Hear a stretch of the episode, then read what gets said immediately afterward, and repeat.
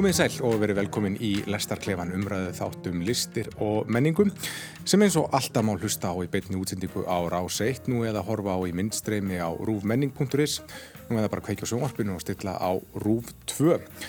Í þættinum í dag ætlum við að taka þrjú efni til kostana, það er Skjálborgarháttíðin, heimildarmyndaháttíðin Skjálborg sem haldi maður um síðustu helgi í samnöndu bíói vestur á Patrísfyrði Þaðan ætlum við að vipp okkur niður í Hafnarhúsa sem Finnbói Pétursson sínir uh, síninguna Rið. Árum við vendum hvaðið okkar í kross og förum í bíó, sjáum kvikmyndina Rocketman sem fjallar um uh, æfi tónlistamannsins Elton John og hinga til að ræða þetta allt saman eru kominir þrýr góðir gestir. Það eru þau Margret Örnólfsdóttir, handritsöfundur og fyrirverðandi hljómbósleikari Sigurmóluna Ester Bibi Áskeisdóttir sem plokkaði bassa fyrir Kolrösu Krógriðandi og Singapore Sling. Hún starfa nú hjá Kvikmyndarsatni í Ísland sem hefur aukþess ljáð rött sína í hinum á þessum heimildamindum sem við hefum séð ekki um tíðina. Og loks er að Róald Viðar Eyvindarsson útgáðustjóri mannlífs verið velkomin öll sömul. Skulum, við skulum byrja vestur á fjörðum, nánar tildekið á, á Patrísfyrði þar sem heimildamindarháttíðin Skjálborg var haldin í 13. sinn og þar máttu sjá myndir af ýmsum toga um, bæðið svona uh, fullgerðar og kláraðar myndir en líka verk í vinslu og ímislega fleira. Uh, hafið þið farið á Skjálfborg áður, Margreit? Nei, ég hef aldrei farið áður og ég botna ekkert í því hvers vegna. Ég er náttúrulega, sko, hefur þetta að vita á Skjálfborgarháttíðinni mörg mörg ár og, og heyrt mikið hérna vel talað um hana og alltaf hugsa já, ég ætla að mynda að skella mig næst. Og svo gerist það aldrei fyrir en að ég var beðin um að vera núna í domnend þannig að að hérna það var ekki eh, flúið núna það var ekki flúið það tókst að draga mig á staði og, en ég held að þurfi ekki að draga mig aftur sko. bara ég get alveg hugsað mér að fara bara á eigin vegum eigin frumkvæði því að þetta var alveg stórkvæslega skemmtilegt Nú þarf að henda okkur bört sko. Já, hefur, hefur, hefur, hefur þú farið áður? Nei, ég hef aldrei farið áður og æmitt alltaf ætlað Já. og þetta var alveg dásamlega skemmtilegt mm -hmm. alla myndirnar en fjörðurinn mm -hmm. og bærin og bara stemmingin og kveikmyndagerðarfólkið og allt mm. Róald, þetta var líka þín frumrun Frumrun og ég hef aldrei komið að náður þannig að koma að þetta fyrir mig var bara ævintýri og sjá bara umhverju með Patricksfjörður, e, Tálnafjörður Bíldudalur og bara þetta veður mm. var bara að gera þetta grísi og hátíðin sjálf alveg bara og við, og við, og við, og við.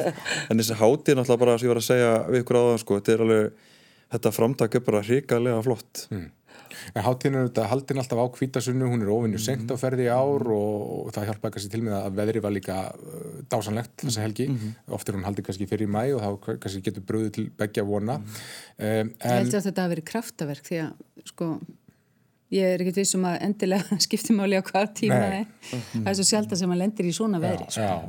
fjöllin rauð og miðnætti öll fjöllin rauð. Mm -hmm. ég veit, veit með þess að aðstöndur háturnar höfður smá áhyggjur af þessu það fær engin í bíó það var svo gott en, en það var nú öðru nær, það var nú alveg uh, vel þétt setið í, í, í, í salrum á flestu myndum sem aðeins á já, algjörlega. Já. það er líka eh, þegar svo mikið sóla verður maður að fara inn og hérna, skíla sér aðeins en Jú, það var bara mjög veist, einmitt sko gaman líka, það var, maður sá að það var svolítið heima fólki sem að kom mm -hmm. og margir sem voru að koma hérna, voru svona fasta gestir og ja. þannig að þetta var líka svona skemmtileg blanda. Já, mm -hmm. það voru uh, fjöldin allar myndum síndur hérna, opnunamyndin er, var súlka áhrifin eftir mm -hmm. Hrafnildi Gunnarsdóttur sem fjallar um Steinu og Woody var súlka frumkvöðla í vídjólist og þessi mynd endað á að reppa einarinn sem eru áhórundavelun hátíðarinnar og, og þetta var svona þetta er myndum frumkvöla í mjög tilrunakendri listgrein söðsamt á mjög einfaldan hátt. Mm hvernig, hvernig fannst ykkur þessi mynd? Alveg frábær og ég var rosalega sátt við að hann fekk verlun og mér finnst líka bara svo að því að mér finnst galdurinn við heimildamindir er þegar þú finnur þegar þú finnur að það er eitthvað að gerast og þú byrjar að fylgjast með áður en það gerist. Mm. -hmm.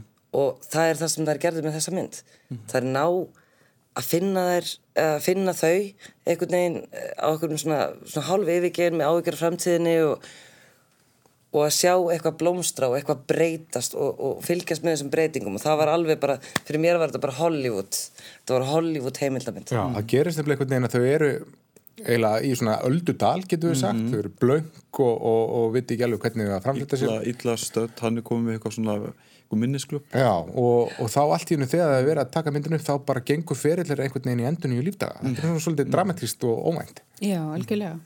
Og náttúrulega bara, þetta er sko, þetta er alveg fjörsjóður, þessi mynd fyrir okkur að það er svo mikil stór saga þarna. Það er hérna bæðið þetta eh, að kynast þeim og, og, og þeirra lífslaupi en, en sko bara hérna hvað þau, hvað þau er að leggja mikið til menningarinnar. Þetta er nú sko, og við erum náttúrulega ekki að sjánum að kannski brota því sem að þarna liggur að baki sko.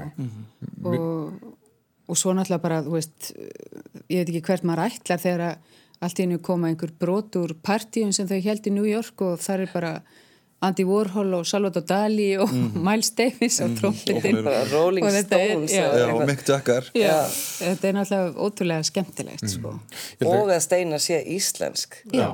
og hún er náttúrulega já, algjör driffjöður í þessu hérna, og þú veist, hún er ekkert eitthvað auka hlutverk Nei. Nei, nei, Og, og og var í symfóni í hljómsdunni bara í tvo daga því henni fannst meira spennandi að gera þetta og þetta er alveg frábært. Já, og maður fær líka svona góða tilfinningum fyrir hvað þetta var mikil tilruna mennska á þeim tíma því að vídeolist í dag, það er svo auðvelt að gera einhverja effekta og áhrif í, í, í kvikmyndum nú, nú til dags, tölfur geta gert svo margt, en þarna eru þau bara með skrújátnið og, og víra að splæsa einhverju saman til þess að, eins og svo Steina segir einu atrið, hún, hún fór á sírutripp og vildi reyna að endur gera áhrifin, Já. þetta var bara svona einfalt. Og ég er náttúrulega rosalega mikið að pæla í tónlist og, og hljóði, sko, hljóðvinnslu og svo leiðis og, og svo náttúrulega mjög skemmtilegt sem kemur náttúrulega seint fram í myndinni að þau lita aldrei á sig sem listamenn Nei, það, og telja það að það sé svona það hafi svona orðin svolítið til haps að, að þau voru aldrei að eitthvað að reyna að vera einhverju listamenn. Já, það fengur bara Og sjálfa það- að bara fikra sig áfram broti hotni svolítið svona Já, þau bara, þau bara kölluðu sig ekki listamenn og voru einhvern veginn sko, kannski þess vegna sem þau lenda svona halvvegis utan garðs þarna og eru En veginn líka bara- vera frjáls. Já, það er einhvern frelsi sem að þau, þau sjá hérna svona verðmæti í. Sem er kannski eitthvað sem að lista elitan ætti aðeins að kannski að hugsa. Er, er, er hún hamlandi fyrir þróun? Fyrir breytingar? En hún setur svona ákveðin, ég maður getur jafnvel sagt, hún setur bara hreinlega svona viðmið um hvernig er hægt að, að bara dokumentera feril, æfi feril listamanns, þetta er óbúslega verðmætt heimil sem þetta verður um, um þeirra starf.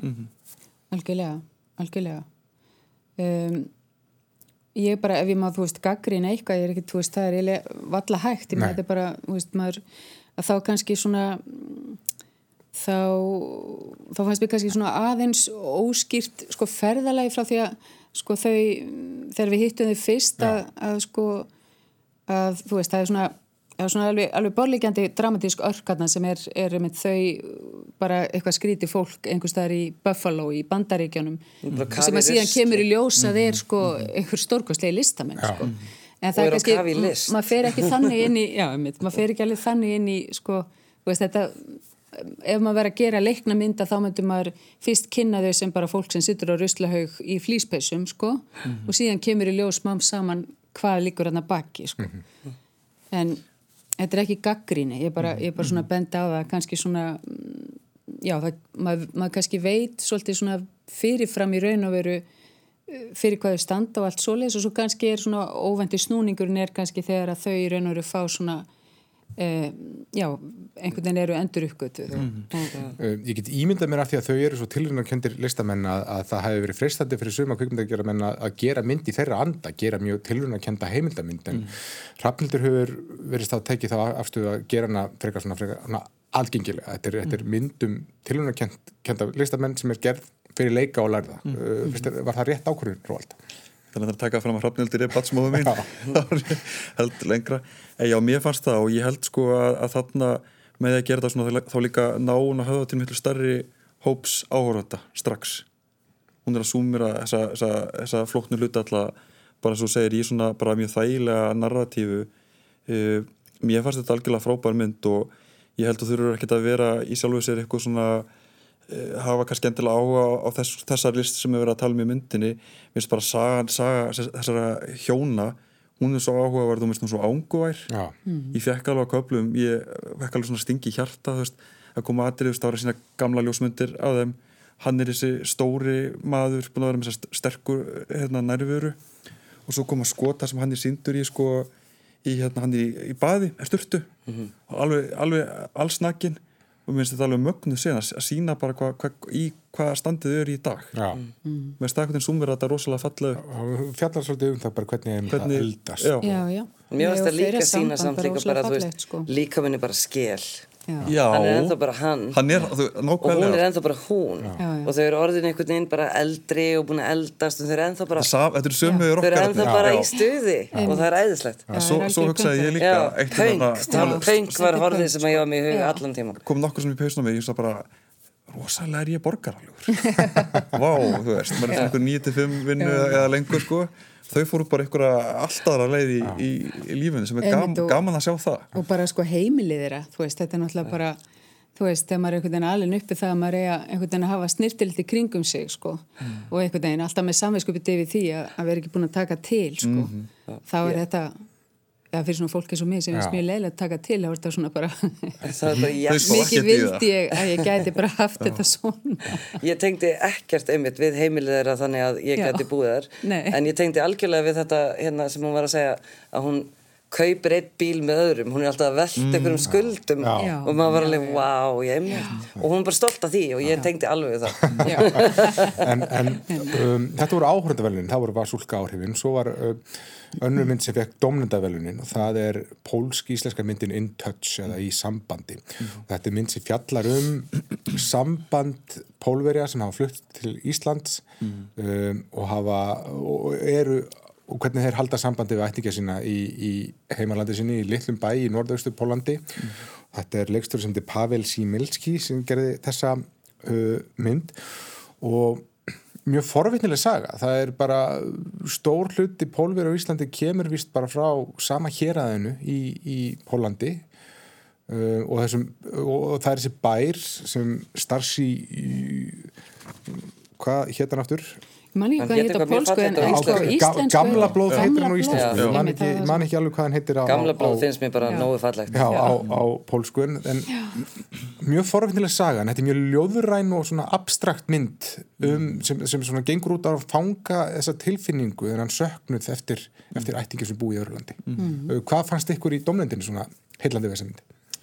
Eh, sko, þetta er náttúrulega svona þegar maður heyrir kannski lýsing á því hvað við verið að gera þarna að þá gæti það svona gefa manni hugmyndum að þetta er eitthvað óbærslega tilgeralegt og skrítið Já. og einhvern veginn myndi ekki ganga upp en fyrstalega náttúrulega sko að koma ljósa að það eru 30% íbúa úr þessum bæ, þessu þorpi sem að fluttu burt til Íslands Já. þannig að það er rosalega stór náttúrulega stór hluti þannig að það eru svona óbærslega mikil tengsl um, síðan er það sem er gert er það að uh, sko við erum eiginlega staðsett í þorpin í Pólandi alla myndina að fylgjast með þeim sem að þar eru sem Já. að eiga ættingi á Íslandi einhverja sem þeir sakna og eru í halda sambandi við í gegnum Skype eða símtölu og svo framvegis og uh, við erum að heyra sem það er svona uh, talað yfir eða við heyrum þessi samtöl sem eiga sér staðan á milli um, og erum að fylgjast með fólkin í Pólandi það sem er verið að varpa upp uh, sko myndefni af fólkinu sem að býra á Íslandi, ég veit ekki hvort það sko, meikar eitthvað sens, ég er enn að útskýra þetta? Svo myndum af Íslendingum á, á uh, myndir af pólverjum á Íslandi Já, eru þeim er varpað á veggjum á ve- veggi í, í gamla heimabænum þar sem ættingirni fylgjast með. það er kannski bara að setja fjölskylda við matarborðin í stofu í Pólandi og svo er varpað á veggin og á þau, raun og veru líka sko, um, fólkinu sem er á Íslandi, nánast eins og þau setji við borðið. Og svo eru svona alls konar mismunandi um, útgáfur af þessu öllu saman en það eru sko, mér finnst maður komast uh, svo, uh, hérna, kemst svo fallega til skila svona þessi þessi aðskilnaður en samt sko er mikið námt í uh, samtölum fólksins og samböndunum þarna. Og, og það er eitthvað svona fólki, margir sko segja svo fallega frá og fólk opnar svo sko opnar sér svo djúft og, og hérna maður fær alveg sko ég tengdi allavega minnst okkur stið alveg sko við þetta allt saman, við hennar söknuð og, og ég trúði þessu öllu saman og það var aldrei sem að mér fannst þetta að vera eitthvað falskt eða, eða, eða hérna, tilgerðalegt eða uppstilt. Ég, ég held að væri ekki hægt að gera svona mynd um Íslendinga. Mm. Það er bara, þú veist, þetta er bara önnu þjóðarsál og bara hvernig fólk tjáir sig. við myndum alltaf setja ykkur í einhverja stellingar og rítskoða það sem við segjum. Þannig fannst mér bara að vera svona opnið einhver æð og, og ég trúði þessu. Og þetta var ofslega falli mynd og mér varst hún sterk. Og hún er náttúrulega svona kvikmyndaverk. Hún er kannski svona, hún er, hún er Hún er listaverk, óhæðbundust bundnust af svona þessu myndu sem við erum að tala um núna og flestum af myndunum sem voru síndir hérna og hún svona eh, er einhver, hún er mjög, er mjög djörf leið farin og hún gengur upp mm. að mínum að Það er rosalega ljúfsár tilfinning einhvern veginn sem hún skilar þessi Já. mynd og það var óbúslega fallega sinna sem satt uh, svo litið í mér, það er mynd varpað á vegg af strák sem stendur einhvers stær í íslenskri náttúru og maður sem ég gerir ráð fyrir þessi avans eitthvað slíkt, hann svona kemur sér fyrir og, og stendur við hliðina á hann og konan hann stendur og tekur mynd af þeim og mér varst þetta einhvern veginn svona fanga svo óbúslega þetta svona þörf fyrir nándin að reyna að vera saman en vera það ekki. Og myndin er alveg um það og, og þessi, þessi kvikmyndalega þessi grafík sem er notuð hún er alveg stórkostleg og hendar því sem var verið að segja alveg ofbúslega vel. Í mér hins vegar ef maður má vera leðalur mér fannst talað um ofmart fólk. Já, ég hefði viljað sjá færra fólk og sjá betur það fólk. Og ég var svolítið svona ég var ekki alveg einhvern veginn að ná að halda þræðu eitthvað en kannski er það ekki það sem skiptir máli. Ég er alveg sammálaður, ég misti þráðin af því mér varst flakkað á og milli og margra. Já. ég var svolítið rugglaður hverju var þetta aftur og hvernig tengjast þau og en kannski er það hluta sögun kannski er að hluta sögum þetta ábráð að vera almenn saga maður á ekki að tengja eitthvað rosalega mikið færstu ykkur að ég, ég veit það ekki sko. og líka segja okkur bara hvað eru margir hvað þetta er ríksa og, og mikið af fólki og þú Já, veist, en... en kannski, kannski einmitt þegar maður veit að þetta er svona stór hluti sko, samfélagsins. Já. Að þá, þú veist, við sáum ekki um að lítið brot sko. Já, það getur verið að þú veist eins og ef maður myndi bara zooma meir út Já. bara fleiri og fleiri og fleiri Já. og fleiri og fleiri það, það kannski er það pæling að eitthvað Mhm. leiti en allavega fyrir mig sem kvikmynd þá hefði ég viljað sjá færri karakter Þetta er 60 mínúna mynd og ég, jú, 60 mínúna löng og ég, ég hugsaði mitt með mér að þetta kannski er hún of löng, kannski eftir hann að vera bara 35 mínútur eða eitthvað slíkt en svo kannski helgast það bara því að maður var búin að sitja í bíóinu í, þetta var loka mynd hátíðarinn og maður var búin að sitja í bíóinu og horfa á ansi marga myndir þannig Já, að það ég getur ætla að segja að það væri pottþétt hluta til fyrir. en það sem En ég verð að segja það, ég, sko, mér fannst þetta nú um, margar myndir hérna, þá fannst mér það aðeins og langar. Já, Það var svona kannski, svona, já, það var svona, ef það er eitthvað, eitthvað sammert með þarna, þá er svona, og þetta er kannski það sem er eitt af því erfiðasta, er einmitt að, uh, þú veist, að taka söguna aðeins niður Já. já. og bara ákveða, þú veist, hvenær komið nóg og svona, þetta er náttúrulega mjög algengt bara með bíómyndir og hvað sem er, sko.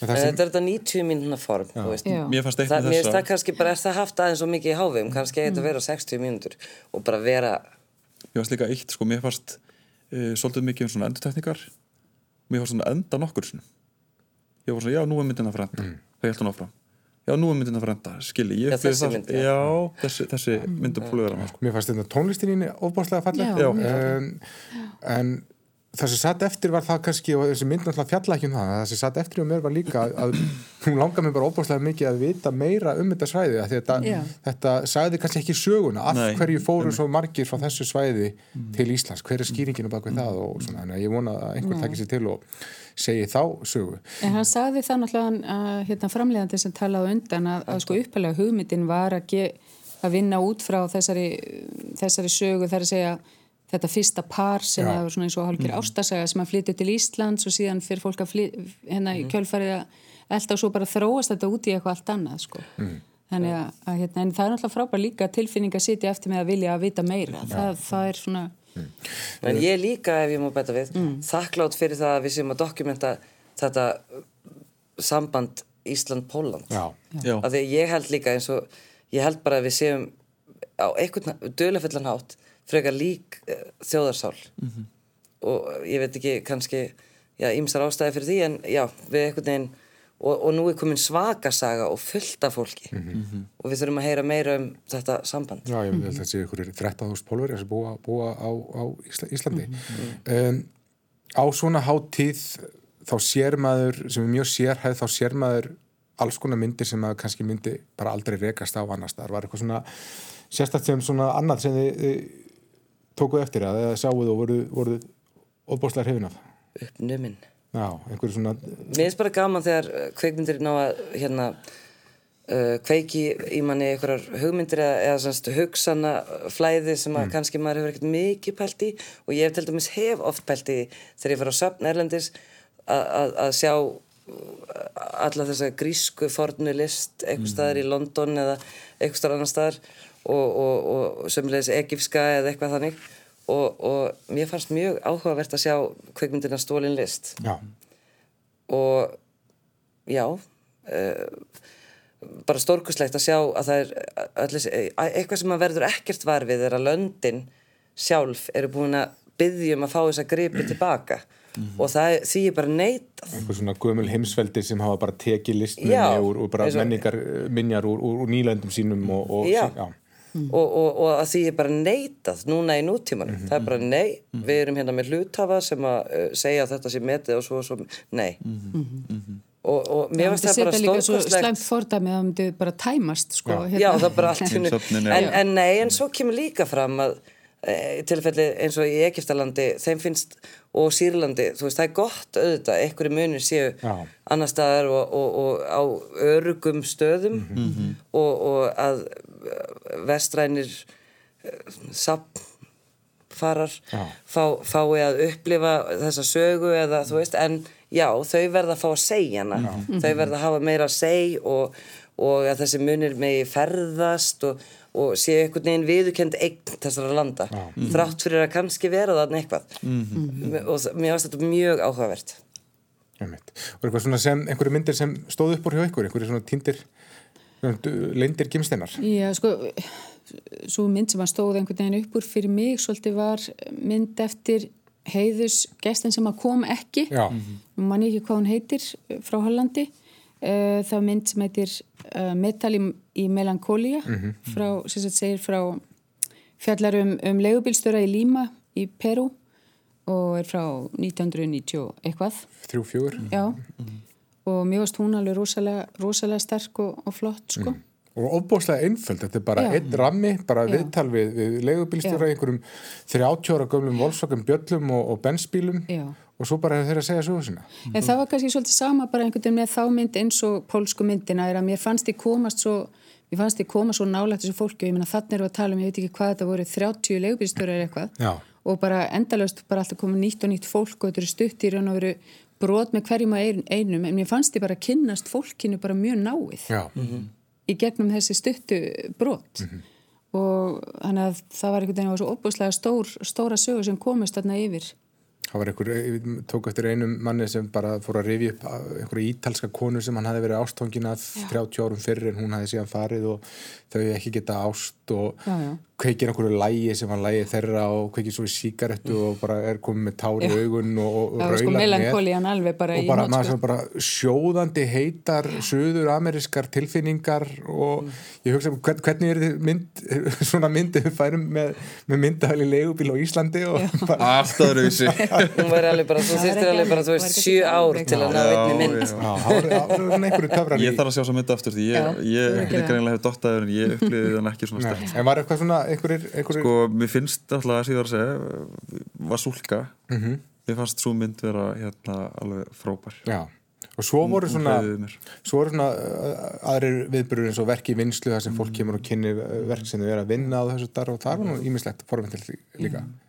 Það er líka bara svo skemmtilegt einhvern veginn sko, það er að svona, það er náttúrulega alltaf öðru vísi sko, fólk er náttúrulega er í einhverjum starthólum eða mislangt komið og er með sko, með einhvern myndefni og einhverja Já. hugmyndir og svona en er, er kannski, það er gaman að sjá þetta fólk á þessum stað í ferlinu og, og, og þegar fólk fer í sko, tekur þátt í svona þá er það náttúrulega svolítið að kalla eftir samtali Já. líka um það sem það er að gera og þetta er einhvern veginn svona, já, mér, mér veist svona myndast falleg stemning það er allir svona, verða allir ólega áhuga samir og vilja ta, ræða þetta og, og Allir vilja kvikmynda gera hjálpa. fólki svo, já, En svo er þetta svo mikil bara Woodstock. Já, þetta er líka, er líka svo mikil sko nördahátti, þannig eru fagmenn og, og þau kunna allir verka og svo náma, ég held ég að sé þetta á öllum háttíðum að í verki vinslu þá koma svona umræður eftir menn sem koma með spurningar og, og það kemur alltaf einhver svona einhver sem er búin að vera að vinna myndinni sín í ár og þá kemur einhver svona, á, allar að freyma hana svona? Já. Og- já, ég var að hugsa út í það sko, en, er svona, en, en einmitt því tengt er þetta hátíð bara sem er fyrir fagfólk að geta, geta, geta allir notið hennar Nei, Ég held að allir geti notað Það það. held ég sko, Já, já, já. algjörlega alveg þetta eru það ólíkar, þetta er það, þú veist ólíka myndir, mm -hmm. fjölbreyttar Og það ættu allir að geta já, notað það. já, Þú veist, auðvitað, ok, bíóið er kannski ekkert rosalega stórt. Það Nei. tækjum við svona, svona 200 manns en bíó er Já, rosalega flott 180 En bíóið er rosalega Já. flott, flott bíó Já, En- það er bara eitthvað líka frábært við það, sko, þegar að, ég meina, við höfum að sé heimildamindir, við sjáum stundum í sjónvarpinu og við sækjum okkur þar kannski Mhm. mismikið og svona, en á svona viðbyrði þá er þetta svo koncentrerað og það er bara einhvern veginn þetta sem er í gangi Mhm. og uh, þú ert ekki að spá í neitt annað Mhm. og það er eitthvað frábært í það að bara svona fara bara alla leið í það, kannski líka því ég var í dómnefnd að þá náttúrulega þurfti ég að sjá allt og ekki þurfti, bara sem sagt jú, þurfti, en, en ég er ekki að segja að það verið kvöð, en, en það þýðir einhvern veginn að að maður svona maður fer svolítið svona, maður verður pínu svona gegn sýrður í þessu og, og, og ég held að þessi væri mjög, þú veist maður gefur sér ekkert svona tíma Nei. dagstaglega Þe- þessi koma eru mjög investiraðir í, í hátíðina. Já. og, og þetta, þú veist, þetta snýst náttúrulega bara um, skilur, upplifun upplifan er þetta pínlítið eins og skilur, línuleg dagskrá sem að getur verið gaman stundum vil maður bara setjast niður og horfa á það sem að er borðið á borð fyrir mann. og þarna getur fólk alveg sama hvort það er kvikmynd að gera fólk eða, þú veist, heimildamindir er náttúrulega bara fyrir alla, ekki fyrir, fyrir kvikmynd að gera og fólk. svo myndi ekki með svo bara heilmikið partí í kringum allt saman Já, líka. fyrir utan það. Já. Nei, og líka þegar borðið á borð eitthvað sem að þú, þú veist, það er ekki svona, ó, ég hef séð þetta, nei, ég hef séð þetta, það hefur ekki séð neitt. Nei. Þannig að þetta er alltaf áhuga. Já, þá uh, skulum setja punktin við umræðina um Skjálborgar hátíðina, ég heyra að ég, er komin að með þrjá verðandi fastakesti hérna á, á þessari Pottið. eftir, eftir þetta. Við skulum fara niður í listasafn Reykjavíkur eða nánar tiltekið í Asal Hafnarhúsins. Þar er sýningin Rið þar sem Finnbói Pétursson hefur komið fyrir 10.000 lítra vasslaug á stóru borði. Svo notur hann hljóðbylgjur til að mynda gárur á vatninu og þær endurkastast og varpa skuggamyndum á veggi og loft með aðstóð ljóskastara. Finnbói hefur áður unnið verki í þessum dúr, það eru svona laugar í háskólanum í Reykjavík og Orkuvitur Reykjavíkur opnunarverki í Berg Contemporary var líka svipuðu tægi, hann, hefur sjálfur talað um að þessi einhvers konar lokapunktur á, á þessu ferli en ég held að hann hafa aldrei gert jafn stort verk og, og núna, hvernig fannst ykkur að ganga inn í, í salin, Ester? Mér finnst þetta stórkoslegt. Alveg ótrúlega fallegt. Falleg hugmynd og fallegt hvernig ljósi speglast á veggina og, og, og gárurnar koma. Mér finnst líka flott að hún heitir Hurts og fyrir mér er það svolítið Hurts. Já, Þess að einhvers konar, einhvers konar inn, hérna áhrif. Já, ég, ég hugsaði það þannig. Hvernig hljóð eða þú veist allt sem verður að vegi okkur hefur einhver áhrif. Margrét Já, ég hef alltaf verið alveg rúsalegur aðdándi fimmboga og bara held áfram að vera það, sko. Uh, mér finnst þetta einmitt, þetta er maður stígur inn í, maður stígur inn í einhvern heim, sko. En þetta er líka einhvern veginn, þetta er svona, ég fór einhvern veginn að hugsa að ég var, að það bara ein inni, það var enginn hérna og ég var ekki trubluð, sko. Það var eitthvað svona, Uh, svona, það fór, sem fór í gegnum huga minn er einhvern veginn svona, já, maður er einhvern veginn að hlusta meira á heiminn eða eitthvað. Mm Takk. af því að þetta er náttúrulega bara, þetta er náttúrulega eðlisfræði og þetta er bara það sem er allt í kringum okkur og það er tíðni í öllu sem að við heyrum mismikið, sko. Stjórnuskortið er að. Já, einmitt, og við höfum áhrif á að því að það er náttúrulega þannig að stígur inn í svona rými þá ferð þú í raun og veru að verður þú hluti af eðlisfræðinni sem er í gangi og hefur áhrif á verkið. Uh, svo ég hef gæt nú ekki verið lengi þarna inni, ég, hérna, ég sá það alveg að ef ég erði mikið lengur þá væri það svona ávísun á mýgrinni en hérna nei en bara fimmbogi sko, ég á til dæmis geisladisk sem að ég hlustaði mjög mikið á á tímabili sérstaklega sem að er, uh, það sem hann tóku upp klukkutíma af flugeldum. Já, milli, hérna, frá hálf tól til hálf eitt á einhvern, ég man ekki hvaða orð það var sem er bara besti geisladiskus í áhældi og ég hérna notaði hann heilmikið hérna e, bjóð til svona e, rytma úr flugelda hérna bara þess, þess að hann kannski hlustaði svona mikið á hann. En ég sett hann stundum á bara sem svona atmó sko þannig að hérna Hann ætla hefur unnið ofbúrslega mikið með hljóða já, og og, svona eðlisfræði Já. svona þessar mann fyrir nokkrum mánu þegar, þegar Jón Gnar var borgarstjóri þá tók hann upp Jón Gnar sofa Já. og útvarpaði svo hljóðunum í vesturbænum þannig að- einmitt, já, það er alveg, einmitt, það er náttúrulega húmor líka Já. einmitt í svo mörgu sem hann gerir sko. En Róald, þú, þú segði mér að þú hafði nú smá fyrirvara þegar þú gegst Ég er alveg klálega fúlikallin hérna sko Já, ok. Ég var eitthvað svona að flýta mér og, er sver ég hérna og ég er eitt sko kemur hérna og ég bara, já, ok, er þetta svona? Þóttum var allt myrkvað sko?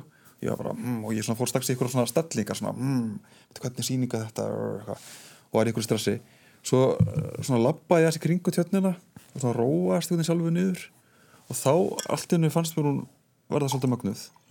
Þessar hljóðbylgjur og, og þessi byrta og allt þetta fór, fór á stað.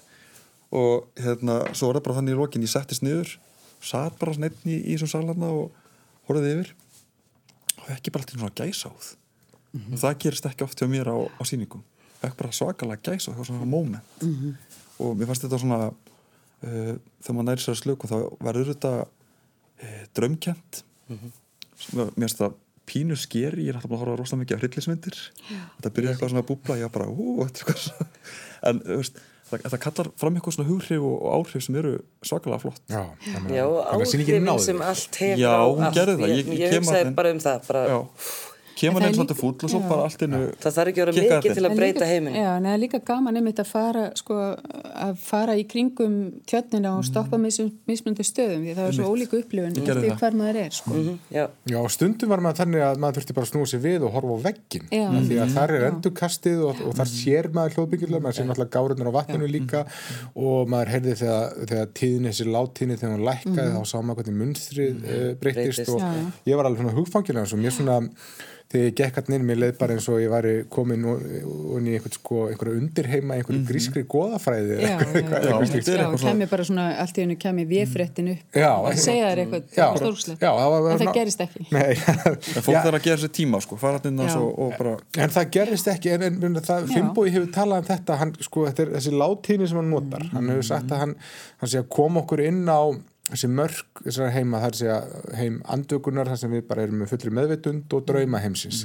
Þar sem þetta er komið niður í einhver, ég kann nú ekki útskýra þetta alveg, látíðni hljóðu er komið niður í einhver 5-6 rið sem er svipað og er bara í heilanum uh, þegar hann er, er komin í draumaheimin og yfir í það sem heitir svið sköpunar. Og þetta er líka svona í háskólum með Reykjavík og hugmyndin er bara beinleginis að þú laði stað þessu og þetta svona einhvern veginn örfi þessa sköpunarstar sem er heilans mm -hmm. eru þau trúið á þessa?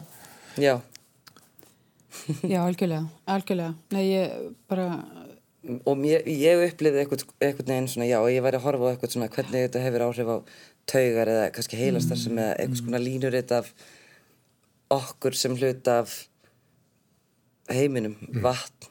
Eða þú veist, hvað eru við? 70% vatn, maður ekki? Jú, og að- einhver segja það. Þetta er róandi sko, þú, þegar þú setur í, í þessar stellingar og hlusta á þetta þá hefur þetta klárlega sæfjandi áhrif. En líka þessi bara hugmynda einhvern veginn að og veldu gárum Já, en bara það er mynd að, að ég erna, gera hljóð sýnilegt Já. og þá einhvern veginn þú sérð endurkastið og sérð hvernig það bara fyllir í rýmið og breytir það menn það lítur að opna einhvern veginn svona skinjun manns eða hugsalega breyta því hvernig maður svona eins og þú komst inn á einn áðan kannski hvernig Já. maður svona upplifir umhverfið Já, það er náttúrulega einhvern veginn svona eitthvað merki um líf. Þú veist, ef það væri ekkert hljóð þarna inni, að þá væri þetta bara, þá væri þetta bara eins og dött rými, eða þannig. Og það væri allt, allt, minna, það væri kannski frábært verk, en það væri allt, allt önnur upplifun og allt, allt önnur áhrif. En, en hljóðbylgjurnar koma af stað einhvern veginn, það fer, það, þeir koma, hún kemur af stað reyfingu í, í öllu, í vatninu, í ljósinu og allt þetta. og það er líka það að við hlustum mikið á tónlist sem eitthvað sér apparat og svo horfum við á myndlist en að blanda því saman er kannski, þú veist, að, upp, að upplifa að, að það er engin myndlist án eða, hljóðs eða þú veist, við, við, bara við funkurum með öllum þessum elementum. Allt hefur áhrif á Já, eitt. og minni líka svona bara að vera með þessar bara örfínu gárur eins og þú segir að þá bara einhvern veginn það, það hleypir svo miklu það, það, það er svo lítið til til þess Já, að fylla alltaf lífi. einmitt. Uh, falleg síning hjá Fimboa Pétursinni í listasafni Reykjavíkur, hún stendur held ég fram í ágúst þannig að það er nú nægu tími til þess að, að fara að sjá hana ég, ég var nú líka einn það í, í, salnum og ég, meni, það var endur alveg ótrúlega upplifun en, en ég held að maður sé ekki alltaf heppin að, að ég kannski það veðrið er svona gott en Ég var einn. Já, Ég var einn, við möttum verið einn. Þú greina að hvetja fleiri til að fara. Já, full ástæða til þess að líta neyri Hafnarhús og skoða síningu uh, Fimboa Péturssonar. Um, en núna yfir í allt annað, já þó ekki, næsta, næsta verk snýst kannski líka um að myndi gera hljóði eða tónlist Mhm. í þessu, það er kvikmyndin Rocketman sem fjallar um æfi tónlistarmannsins Elton John, það er Dexter Fletcher sem leikstýrir. Uh, en Taron Edgerton, Edgerton heitir leikarinn sem tólkar píjónuleikarann sjálfan Rakettumannin og þarna er saga Elton John rakin frá æsku þar til hann slæri gegn og gengur gegnum mikið gjálífi sem gengur næstum því að hann döðum og þar til hann snýr við blaðinu og, og, og fyrir meðferð.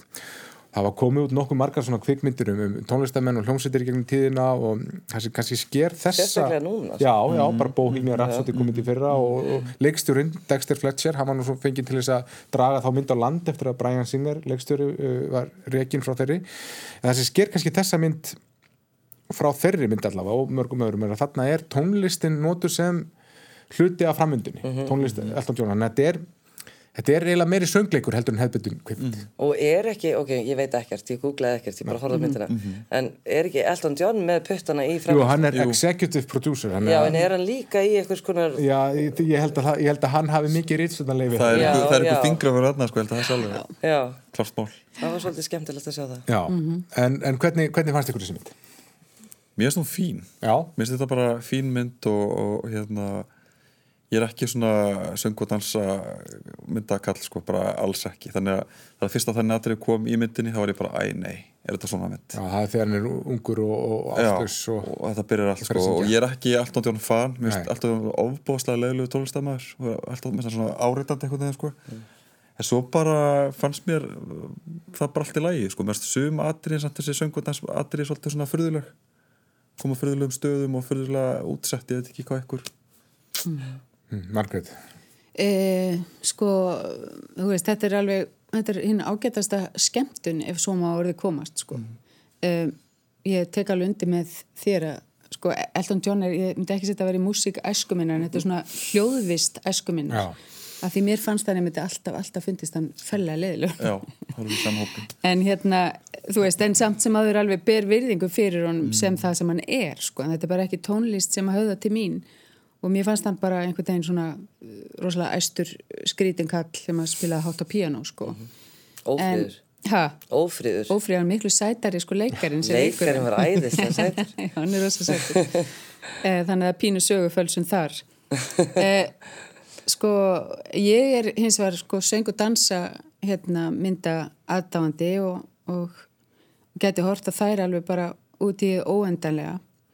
Um, mér finnst svona margt að þessari mynd, sko. Uh, og margt alveg, þú veist, í læg. Mér veist til dæmis, hann syngur rosa vel, hérna, Taron, Egerton? Já, Egerton. Já, Já, já. Hann er, er mjög góður og hann syngur mjög vel og mér finnst hann frábær í þessu hlutverki sko, eða betri heldur en Elton John. Yes. en hérna Það var smælæðin. já, en hérna og þú veist, og og veru þú veist, allt það er ekkert að þarna.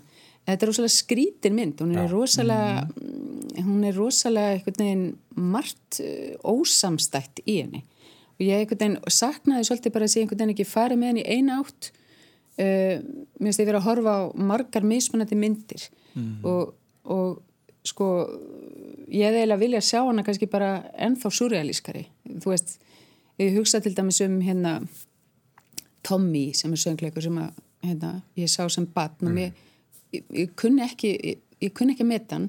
En samt var ég sko heitluð á hann ég, ég þoldi hann einhvern veginn ekki en það var samt eitthvað svona það var eitthvað, eitthvað það var einhver, eitthvað í gangi þarna sem að var greinilega heilsteft þó að það hefði ekki til mín. Ég hefði einhvern veginn vilja sjá þessa mynd tekna einhvern veginn meira inn í tíðarandan sem hún tilheyrir. Og með mér fannst sko eins og uh, þessi göm, gamaldags söng og dansatriði sem hann voru svo flott en einhvern veginn uh, já þessi 50s stemning í kringum æskun og allt það uh, ég áttu erfið með að láta hana einhvern veginn tengja hana við persóna Elton John. Mm þetta fer svolítið mikið í svona melodrama og þú veist það er ekkert illa gert þarna út af því sig en, en þetta er bara einhvern veginn svona mm, mér finnst ekki trúverð sem sko æfisölu bíómynd, hún er pínu svona hún er svolítið svona, svona, svona bútasems teppi já, En það voru mjög flott atriði Já. þegar hann er á, á hérna, Trúbador-klúbnum þar sem hann slæri í gegn og, hann er- Og þegar er allir er Það er það var rosa Já, atriði. Já, og það greipum mig. Já, alveg. mig líka. Og, og líka þegar hann ætlar að, hérna, þegar allt er ógislega leðilegt og hann segir eitthvað, hann ætlar að kveða hann heim Já. og dettur í sundlegin og heitir einmitt. sig með fiskabúr á hausnum já, það var dásamlegt aðri og þessi litli strákur sem á að leika hann lítil hann er æði, Já, já. hann er æðislegur. Og ég vissi ekki einu sinni að ég væri að fara að söngvamynd ég var bara, Nei. þegar hún byrjaði Ég og, það heldur. já, og svo var hún fyndin. Alveg bara, og svona rosa dramatísk. Og þetta fiskabúr eh, litli strákurinn. Og svo þegar hann lappar inn á veitingastæðin og hérna hann er búin að klúra öllu og það er allt í steik og, og allir veitingahúsgestinir segja so sad, so sad. Erum við bakgrátt Já. Já. það var alveg wow, cool Já. atriði. Hún gengur eiginlega best upp einhvern veginn þegar hún er svona Já, voru það nokkur svona atriði sem voru Já. bara wow. Og einmitt, ég hef aldrei, ég, veist, það er bara hræðilegt að ég sé núna í útarpinu að segja eitthvað Elton John er góður.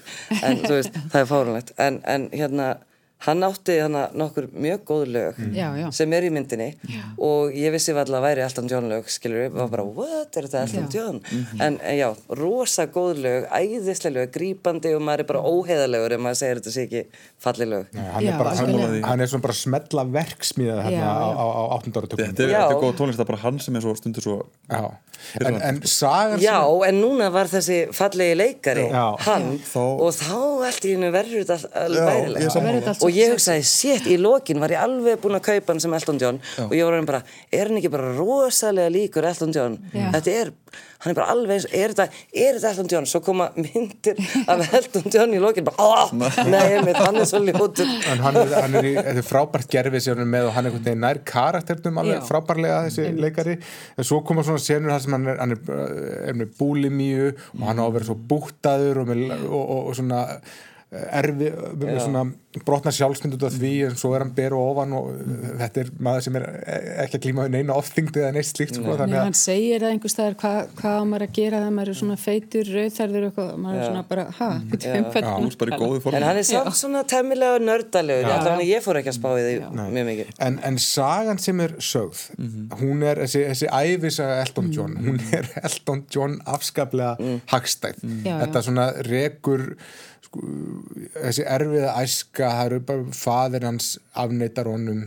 uh, móður hans er, er svona, hálfgeir bytta og, og hérna, sinnir honum ekki almennilega og hann svona einhvern veginn lifir bara upplifir eitthvað svona ástleysi í æskunni og það er svona höfnun. já, höfnun. Og það er svona ský, megin skýringin á því af hverju hann er, verður fíkill og, og, og og ósáttu við sína kynneið Já, ósluðu kynniðin og erfitt með að, með að, að tengjast öðru fólki og, og þess að þar og, og það, það er svona stóra útskýringin á þetta mm. Þetta er svolítið svona Málið er A-mynd, sko. að þetta er öruglega útskýringin á öllu en að hann síðan kom í lokin og segi þetta er útskýringin á öllu það er cheesy og það er rosalega weird af því að þú veist auðvitað er þetta ekkert útskýringin á öllu þú veist, þú gerir alls konar sjálfur þú veldur þínu megin sorgum.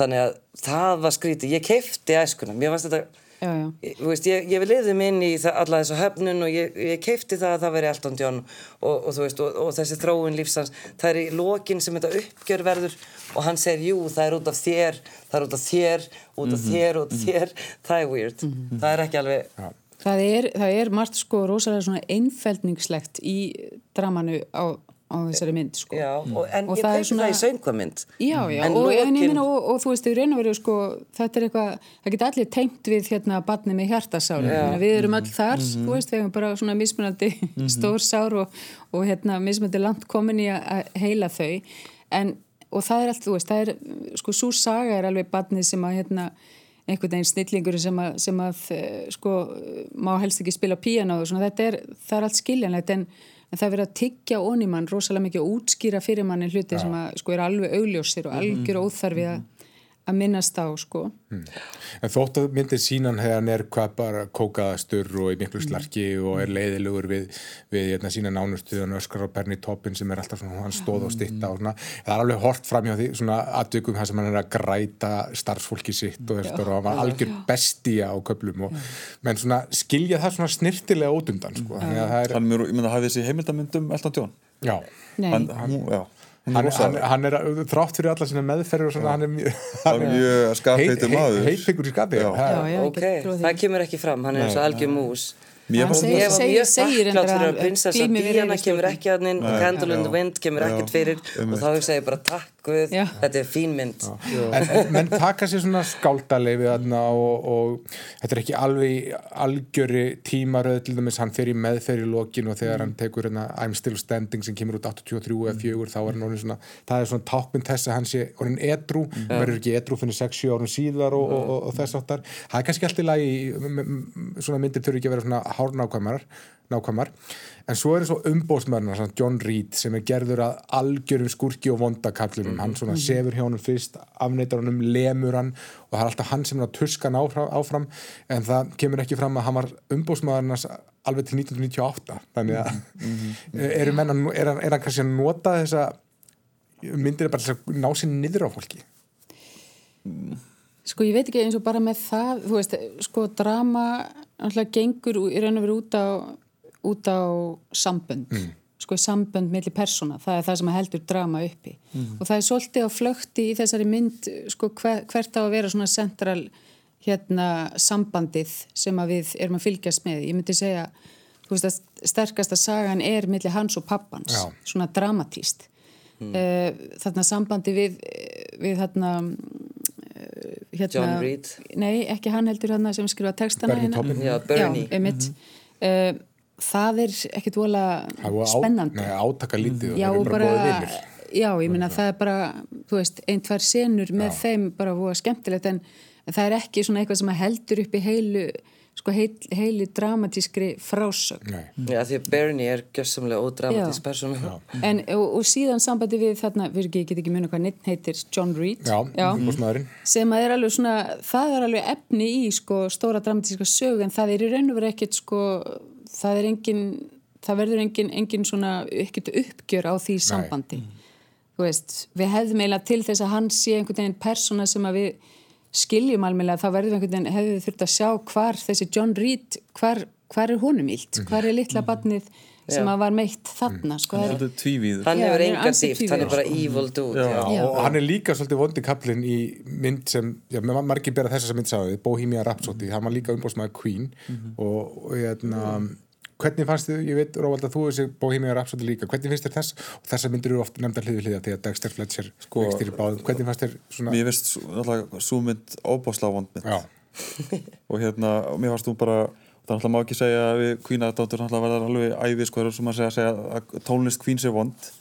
En mér varst svo mynd bara hrikalega vond og hérna mér fannst þú svona framan af bara og, og leikarinn sem að leikur Freddie Mercury. Rami Malek. Mér fannst það að vera bara eins og uh, Latti sem grínverðin sko, uh, fyrirluta myndarinnar, mér fannst bara óþægilegt að horfa á hann, ég tengdi aldrei við hann. Og mér finnst eiginlega sko kannski munurinn, stóri munurinn á þessum myndum er það að ég tengdi við persónu Elton Johns í þessari mynd. Mhm. ég gerði það aldrei í henni myndinni. Mér það miklu meira svona hugvit í þessari mynd og hún er miklu Já. meira svona líf og, og, og bara miklu mannlegur, mér fannst bara Freddie Mercury bara svo gemvera í þessari Queen mynd sko. ef þið hefði síðan bara, en, en Ekki síðan spurningi sem leikur náttúrulega beint við í framhaldið þessu, það er það hvernig kemur myndin þá um sigurmóluna já, það er það. Sérst ekki bara niður og skrifar handritað að því? Já, nei, ég er ekki við sem að ég ætti að gera. Nei, Nei, ég, mitt, ég var einmitt að hugsa, ég var, hugsaði nú ekki sigumálandi en ég hugsaði mitt, hmm, hvað verður næsta sumar? Það verður einhver annar. já, Þetta er svona, þú veist, að fær pínlítið svona verksmið hérna líkt af þessu, sko. Já. Þetta er orðið eitthvað sem að trekkir og, og svo bara taka það næsta sem að, sem að hérna, David Bowie David Bowie. Prince. Lords já, of Chaos. George, George Michael það er alveg, George Michael. já, þetta er kannski það sem þetta verður kannski næsta svona smella færiband sem, sem Lords of Chaos er alveg núna í, sko. í Bíóparadís og er um hérna Mayhem Já. og hérna kirkjubrennaruna já, í, í Nóri en Takk kærlega fyrir komuna, við skulum slá botni í þessa umræðu hérna, uh, Róald Eyvindarsson, Margret Örnósdóttir og Ester Bíbi Áskjörsdóttir ég ætla að hleypa ykkur út í góða veðrið. Ég er hérna með samvinskupið og að dreyja ykkur inn úr, inn úr sólinni hérna, ég kæra það ekki fyrir spjallið í dag og verið í sæl. Takk. Takk